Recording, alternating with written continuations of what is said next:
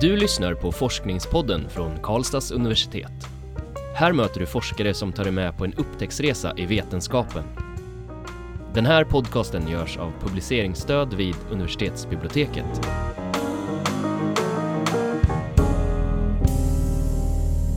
Hej och välkomna, mitt namn är Magnus. Jag heter Nadja. Och med oss har vi Carl Bonander som nyligen disputerade i risk och miljöstudier här på Karlstads universitet. Välkommen Carl. Tackar, tackar. Din avhandling heter Assessing the effects of societal injury control interventions. Eh, kan du berätta lite vad avhandlingen handlar om? Ja, eh, ja som, som titeln antyder så, så handlar den om ja, egentligen kvantitativ effektutvärdering av ja, det, det vi kallar för samhällsinterventioner. Eh, och ja, vad det är egentligen är liksom egentligen vilken typ av policy som helst, eh, till exempel en lagstiftning eller en eh, Eh, ja, en policyförändring, ändra på nationell nivå kanske eller på kommunnivå också kan man tänka sig. Eh, så vi har lite olika, olika nivåer där som vi kikar på saker på. Um, och eh, ja, vad kan man säga mer? Uh, det jag har gjort uh, är att uh, jag har egentligen mixat lite teorier om kausal inferens, det vill säga ja, egentligen om hur man mäter orsak och verkan. Mm. Eh, och eh, ja, med, med egentligen då den typ av data som, som vi, eh, vi oftast har tillgång till som, som skadeforskare.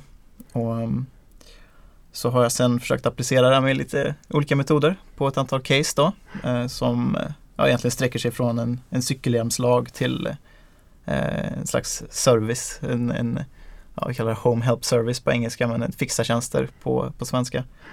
Eh, där man eh, helt enkelt som kommun erbjuder eh, ja, en, en, en tjänst då, där man, en äldre person kan ringa och, och, och be dem komma hem till dem och utföra lite komplicerade eh, saker i hemmet då, eller komplicerade, vad ska man säga? Eh, ja, tasks, mm. säger vi på engelska då. Så, eh, typ sätta upp gardiner och göra annat då, som kan vara lite krångligt. I princip allt som kräver en stege. Mm. typ. Eh, med tanken då att man ska reducera risken för fall då, som är väldigt vanligt i hemmet bland äldre. Det låter som lite olika case. Ja. Hur kom det sig att det blev just de här casen? Uh, Alltså den rent praktiska anledningen är ju att vi har haft eh, ett antal olika eh, forskningsprojekt då, som eh, jag har jobbat med under den här tiden. Som då har liksom passat bra, de här, de här olika interventionerna har passat bra inom de projekten men också så försöker vi på vårt eh, forskningscentrum liksom se det här med skadeproblematik lite på tvären så liksom att vi tittar på trafiksäkerhet och vi tittar på ja, fallskador, egentligen allt som ja, allt som involverar eh, fysiska skador helt enkelt. Och då passar mycket av det här bra in. Mm. Men den praktiska anledningen är att vi har haft lite olika eh, forskningsprojekt helt enkelt. Hur föddes idén till avhandlingen från, från början så att säga? Har det varit självklart för dig att studera just detta? Nej, alltså inte just att det skulle handla om eh, metod i alla fall. Utan det växte fram över tid och det är just av den här anledningen att om man, om man tittar på det från fall till fall med det här med en cykelhjälmslag och en fixartjänst och de andra grejerna vi tittar på så är det ju det som är kärnan i det hela på något vis. Att det blev liksom metodfokus eh, då och det var också samtidigt för mig det som, som jag tycker är mest intressant. Eh, så, det, så det var ju också gött för mig då. Mm. um, vad var det du gjorde rent praktiskt i ditt arbete? Vad, hur kom du fram till dina resultat? Um, ja, mycket av det är ju liksom uh, statistik och uh, ja, på något vis eh, alltså kvantitativ analys då liksom av eh, sådana här eh, egentligen tidsseriedata. Eh, för det är ju det som eh, finns väldigt väl um, ja, insamlat egentligen eh, genom eh, sjukvården och genom eh, polis och genom räddningstjänst och så. De har i princip väldigt detaljerade registreringssystem och det, jag tycker att den datan inte alltid används eh, på, på rätt sätt. Eller jag tycker att man skulle kunna använda det eh, på, på mycket mer intressanta sätt än vad som, vad som ofta görs. Då. Det var, det var det som var själva grunden till det här. Eh, men det är mycket, mycket baserat på tidsserieanalys och, och så. Så du kunde använda andras data egentligen Ja för men att precis. få fram dina Ja men exakt, exakt. Så, så jag har egentligen inte gjort eh, någonting. så, att, nej, men, nej men så är det väl, eh, ja, det, är- rent ärligt så visst det är inte helt eh, nyskapande grejer om man ser till eh, hela forskningsvärlden. Alltså, det- jag tar mycket inspiration från typ nationalekonomi och sånt där i de, själva metoderna som används då för att inom ja, de fälten, även statsvetenskap då, så är det liksom mycket mer vanligt att man arbetar med den här typen av data Eh, eller i alla fall den här typen av case då. Ehm, och det har inte riktigt tagit fart tycker jag inom vårt, eh, vårt område. Så eh, därför jag ville på något vis skriva det här. Mm. Ehm, det är väldigt många olika riskfall som du tittar på i din studie. Kan du berätta lite mer om varför du valde just dessa? Mm. Eh, ja, alltså en, en av eh, en av anledningarna är just, just på grund av den här praktiska, att eh, vi har de här olika forskningsprojekten men också just på grund av att eh, eh, ja, jag, jag, jag tyckte att de var intressanta liksom. Eh, och sen har man, eh, om vi tar eh, cykelhjälmslagen till exempel, så, så har jag kikat på eh, ja, den svenska cykelhjälmslagen för barn som gäller från 2005. Eh, och en av anledningarna till att jag, jag valde att studera den var för att eh, man i forskningslitteraturen då, om man, om man liksom tittar på eh, tidigare studier om cykelhjälmslagar så ja, de är ganska tvetydiga och man vet liksom inte och det finns liksom, det är ungefär som eh, om man skulle kunna jämföra det med de konspirationsteorierna angående eh, koldioxidutsläpp och, och hela, hela den biten. Eh, för det finns eh, ganska i alla fall en, en, rabiat eh, del av, av eh, skadeforskare som hävdar att hjälmar inte funkar eh, överhuvudtaget. Att det Okej. till och med skulle öka risken för huvudskador. Så då vill jag se, eh, då, då vill jag liksom använda eh, den här svenska lagen som, som ett naturligt experiment då för att se vad händer när den införs. Eh, ökar hjälmanvändningen, går huvudskadorna ner. Och i slutändan så finner vi väl att det, det verkar som att det gör det. Ja. Så att, eh, Mm. jag tror nog inte att de här konspirationsteorierna stämmer helt. Eh, men Kommer du få på en massa konspirationsteoretiker på det nu då? ja, det är väl möjligt att det kommer, kommer bli någonting. De har, en, de har en hemsida där de går igenom all forskning som publiceras i princip inom, inom cykelhjälmslagar. Så det är möjligt att den här studien kommer att dyka upp där någonstans när de har Mm. gått igenom och petat hål på i princip allt jag har gjort. Så att de kommer säkert hitta någonting. Mm. Mm. så, ja. När du gick igenom all data som du fick tag i, eh, var det någonting som var jätteöverraskande? Uh, ja, det... Jag vet inte. Ja, inte som jag kan Mer komma som på. Så. förväntat? Det var... Ja, alltså nej, inte själva, inte själva datamaterialet var det kanske inte något sånt eh, jätteroligt att berätta så, men sen så själva resultaten var kanske lite förvånansvärda ibland, även fast vi hade liksom teorier om, om hur det skulle se ut. Men eh, ja, till exempel så studerade vi ju i, i en studie en eh, e EU-policy som handlar om eh, självslocknande cigaretter som det kallas. Eh, och ja, vad det är rent, rent kortfattat är att man har infört ett standardkrav som säger att eh, alla cigaretter som säljs och produceras inom EU ska eh, ja, uppfylla egentligen en standard där de, om man lägger dem på ett filterpapper, tänder på dem, så ska de eh, inte brinna sin fulla längd eh, i princip. Utan de ska slockna innan då. Tanken är att man ska egentligen förhindra bränder och, och dödsfall då främst till följd av bränder för att det är väldigt många som eh, är just av den typen att man tappar en cigarett när man somnar och så. Och det låter ju som en superbra åtgärd liksom. Men vi, vi hittar i princip ingen som helst indikation på att det liksom har hänt någonting. Eh, och ja, sen så har man eh, då, inte vi då, men eh, några på ja, SB heter de, eh, Statens tekniska brandforskning. Ja, Mm. någon, Provningsanstalt Ja men just det, ja men Mm. precis. Ja, men de håller på med mycket sådana tekniska tester eh, när det gäller brand. Och då har man liksom i efterhand testat att eh, eh, ja, utsätta de här cigaretterna för mer realistiska miljöer. Som att man släpper dem in i en soffa och liksom, eh, släpper dem på en docka kanske eller så. Då ser man ju liksom att det, det brinner ju ändå liksom. Mm. Eh, så makes sense kanske i slutändan ändå. Men man, ändå så har det här liksom blivit en EU-policy av någonting som inte har Mm. riktigt testats eh, fullt ut. Då. Så det tyckte jag var Intressant. Mm. ganska intressant ändå. Ja. Att, eh, Är det här ett av de viktigaste resultaten eller finns det flera andra som du vill ly- lyfta fram? Ja, alltså om det viktigaste vet jag egentligen inte men det är ju en sån grej som jag tycker är, är just intressant av den anledningen att det liksom har dragits så långt utan att man verkligen har testat det på riktigt. Det skulle jag aldrig acceptera om det var en, ett läkemedel till exempel och släppa Mm. ut det på marknaden.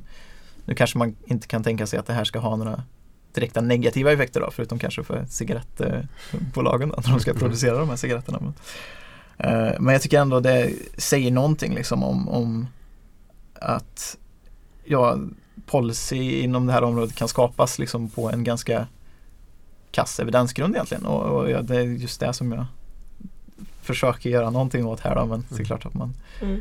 inte kan komma hela vägen såklart. Men, Mm. Eh, En sak som jag funderar lite över, eller som jag blir nyfiken på, eh, det lite abstrakta begreppet för mig i alla fall som lekman, det här med societal injury control, eh, alltså systems. Eller, så, jag översatte det själv här, eller försökte direkt översätta med skadeövervakningssystem. ja men precis. Kan du berätta lite mer om vad det är för någonting? Ja, alltså i, i eh, grundläggande så är det ju bara de här ehm, eh, databaserna som jag, som jag berättade om tidigare där man kontinuerligt samlar in ehm, information om eh, skadehändelser som sker genom till exempel sjukvården. Eh, där man registrerar då skadediagnoser eh, och antal patienter som läggs in till exempel för vissa typer av händelser som till exempel trafikolyckor och så. Mm. Ehm, och de kan ju finnas i varierande detaljgrad. Det finns ett som är specifikt för trafikolyckor där man samlar in i princip för varje trafikskadad som kommer in till akutmottagningar. Samlar man in information om bland annat skyddsutrustning och, och lite information om vad som hände och, och så. Så man kan använda det för att studera och försöka lära sig någonting om, om mönster i, i samhället. Då. Dels eh, hur det fördelar sig i, i populationen, till exempel vilka åldersgrupper som är mest utsatta och, och dessutom ja, lite generellt om olika vanliga orsaker så att man förhoppningsvis i slutändan kan komma på eh, något, någonting smart att göra åt det. Mm. Okay. Eh, och det finns ju då både inom sjukvården och inom polisen och eh, räddningstjänsten. Då. Så det är sådana system som jag, som jag syftar på. Mm. Det här är ganska mycket baserat på fakta men sen skriver du även att det saknas randomiserade experiment på det här området. Kan du förklara lite vad du menar Mm. med det? Mm. Eh, randomiserade experiment är ju, anses ju vara guldstandarden liksom för, att, för att ta reda på vad som funkar och inte eller liksom om någonting har en effekt eh, eh inom medicin i alla fall och inom det är det man till exempel använder eh, för att studera effekten av läkemedel. Eh, skillnaden för eh, oss som håller på med mer samhällsvetenskapliga saker är att det liksom sällan går att göra experiment eh, på, på saker för det är liksom det är ju en, säg att det är en nationell lag liksom. Det införs ju inte slumpmässigt där man kan, kan dela upp eh, hälften av populationen i, och slumpa dem till en kontrollgrupp och en till en, en grupp som får den här lagen då. det blir liksom, Just det. blir Mm. lite absurt så. Ehm, Du får ramla med cykelhjälm och du får inte ja men precis, ja men exakt så det är också eh, lite etiska svårigheter där med det. Eh, och därav då så inom, inom vårt fält så är ju traditionen ändå medicinsk på något vis så då säger man egentligen då att eftersom det inte går att göra experiment så kan man aldrig säga någonting typ. Eh, och det jag vill på något vis ändå försöka hävda är att jo men man kan nog säga någonting trots det. Eh, om, man, om man försöker, bara man försöker liksom. Ehm, Så det du gör är egentligen så nära randomiserade experiment som man kan komma? ja, det är, väl, det är väl det som är försöket i alla fall, att man Mm. har det som, som tanke och sen så försöker man analysera datat på ett sätt som så att det gör att det typ efterliknar ett randomiserat experiment. Men man kan ju samtidigt aldrig komma riktigt så långt då. Eh, såklart, men det, det är ju det anses vara ett problem i alla fall. Eh, att det inte finns eh, ja, så mycket randomiserade experiment och så, så tror jag att det behövs någon form av paradigmskifte där att man liksom kanske försöker fokusera på att istället för att försöka göra experiment av det så kanske man borde försöka hitta alternativa sätt då, som, som mycket fokus på i statsvetenskap och Mm. nationalekonomi där man i princip aldrig gör experiment. Eh, inte så ofta i alla fall. Vem eh, hoppas du kommer att läsa din avhandling? Förhoppningsvis ingen.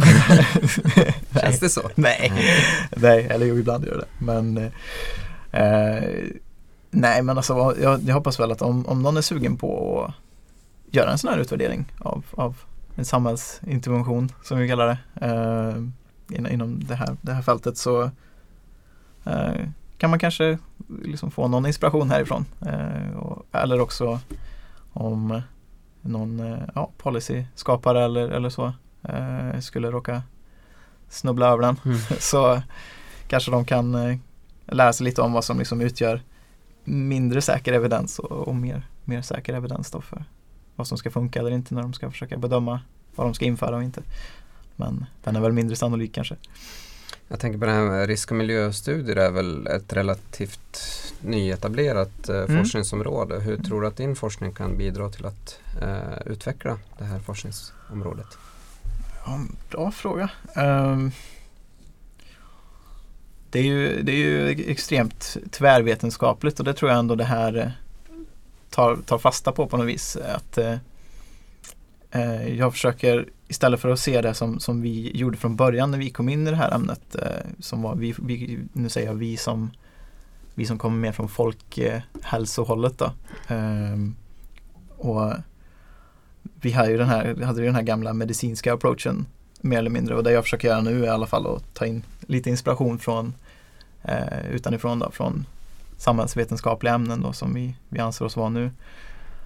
Ehm, så jag hoppas väl att det på något vis kan bidra till eh, ja, en, en, en, grundläggande kvantitativ utvärderingsmetodik eller liksom någon, någon form av text i alla fall. Som, Bredda som fältet och Ja men precis. Eh, som kan bredda lite men också egentligen så skulle ju det som står här i kunna appliceras på ganska mycket annat också. Eh, även miljöproblem och liksom så. Mm. Eh, Kan du Faktiskt. utveckla det lite? Ja, eh, absolut. Eh, då jag tänker jag mer att det skulle kunna appliceras på, ja men säg att man vill studera effekten av miljöskatter eh, eller någonting. Eh, så skulle man kunna använda någon av metoderna där i också. Ehm, för att det är ganska generellt, bara man har eh, tidsseriedata på, på liksom ett antal utfallsmått då, som vi kallar det. Just här är det ju skador som jag studerar men man skulle lika gärna kunna byta ut det mot eh, koldioxidutsläpp eller Mm. så, Mm. i många fall. Om vi då går lite ifrån forskningen och mer till dig. Ja. Hur skulle du säga att du har utvecklats själv under din tid som doktorand? Ja, extremt mycket. Ändå, det är ju, när jag började så kunde jag ju ingenting om statistik i princip. Så där är har jag ändå försökt eh, lära mig någonting. Och, eh, nej, jag har ett helt annat eh, tankesätt och tankemönster nu idag än vad jag hade tidigare. Nu försöker jag dels se Ja, jag är extremt kritisk mot allt som jag läser då. Såklart. Mest för att jag vet att det ibland inte baseras på så, så starka analyser. Men, ehm, ja, men också mer eh, ja, det är svårt att, svårt att förklara men ett helt annat tankemönster helt enkelt. Jag, jag tänker på nya sätt att försöka hitta också lösningar på problem. Det, det är också i och för sig har jag haft sen, sen tidigare men kom jag, jag kom in med den här approachen att ja, de, de, de säger till mig att det går inte att uppskatta effekter i om man inte gör experiment och jag säger jo, det måste gå. på något sätt går det. Mm. Eh, så ja, det, nu, nu känner jag mig väl lite mer säker på det än tidigare då kanske. Så, det är väl något. Mm. Då kan vi bara kolla vilka planer du har för framtiden. Hur tänker du gå vidare? Ja, eh, nej, men jag hoppas väl kunna, kunna fortsätta forska. Eh, och som, som nu ser det ut som att eh, det kommer bli så. Eh, så ja, det väl bara att satsa på professor, antar jag. Eh, Har du några sådana här forskningsfrågor som du känner att det här skulle jag verkligen vilja gräva djupare i? Jag är, så, eh, jag är så spridd som ni såg i det här så är jag verkligen, jag tycker ju i princip allt är intressant egentligen. Så Mm. jag skulle ju egentligen vilja bredda mig till och med och kanske fokusera mer på andra saker som typ miljöproblem och Mm. annat eh, mer generellt egentligen. Eh, det tycker jag skulle vara kul. Kanske inte det smartaste om man ska söka professur, professur inom ett ämne men jag vet inte. Eh, Kan du bli professor i många ämnen? ja precis, precis. Ja, så det vår tid börjar ta slut här Ja, också nu. Okej, Ehm, vad vi tänkte bara kolla om du kanske har någonting som vi glömde fråga men du, som du gärna vill tillägga. Nej, inte som jag kan, jag kan inte komma på något rakt av tyvärr. det hade varit kul. Men... Nej men då eh, varmt tack Karl Ja. att du var med oss idag på och gästat Forskningspodden och lycka till med fortsatta arbete. Ja. Hoppas vi hör ifrån dig igen. Ja. Ehm, tack också till er som har lyssnat och ni är välkomna till nästa avsnitt. Där träffar vi Susanne Valan som berättar om sin forskning i biologi.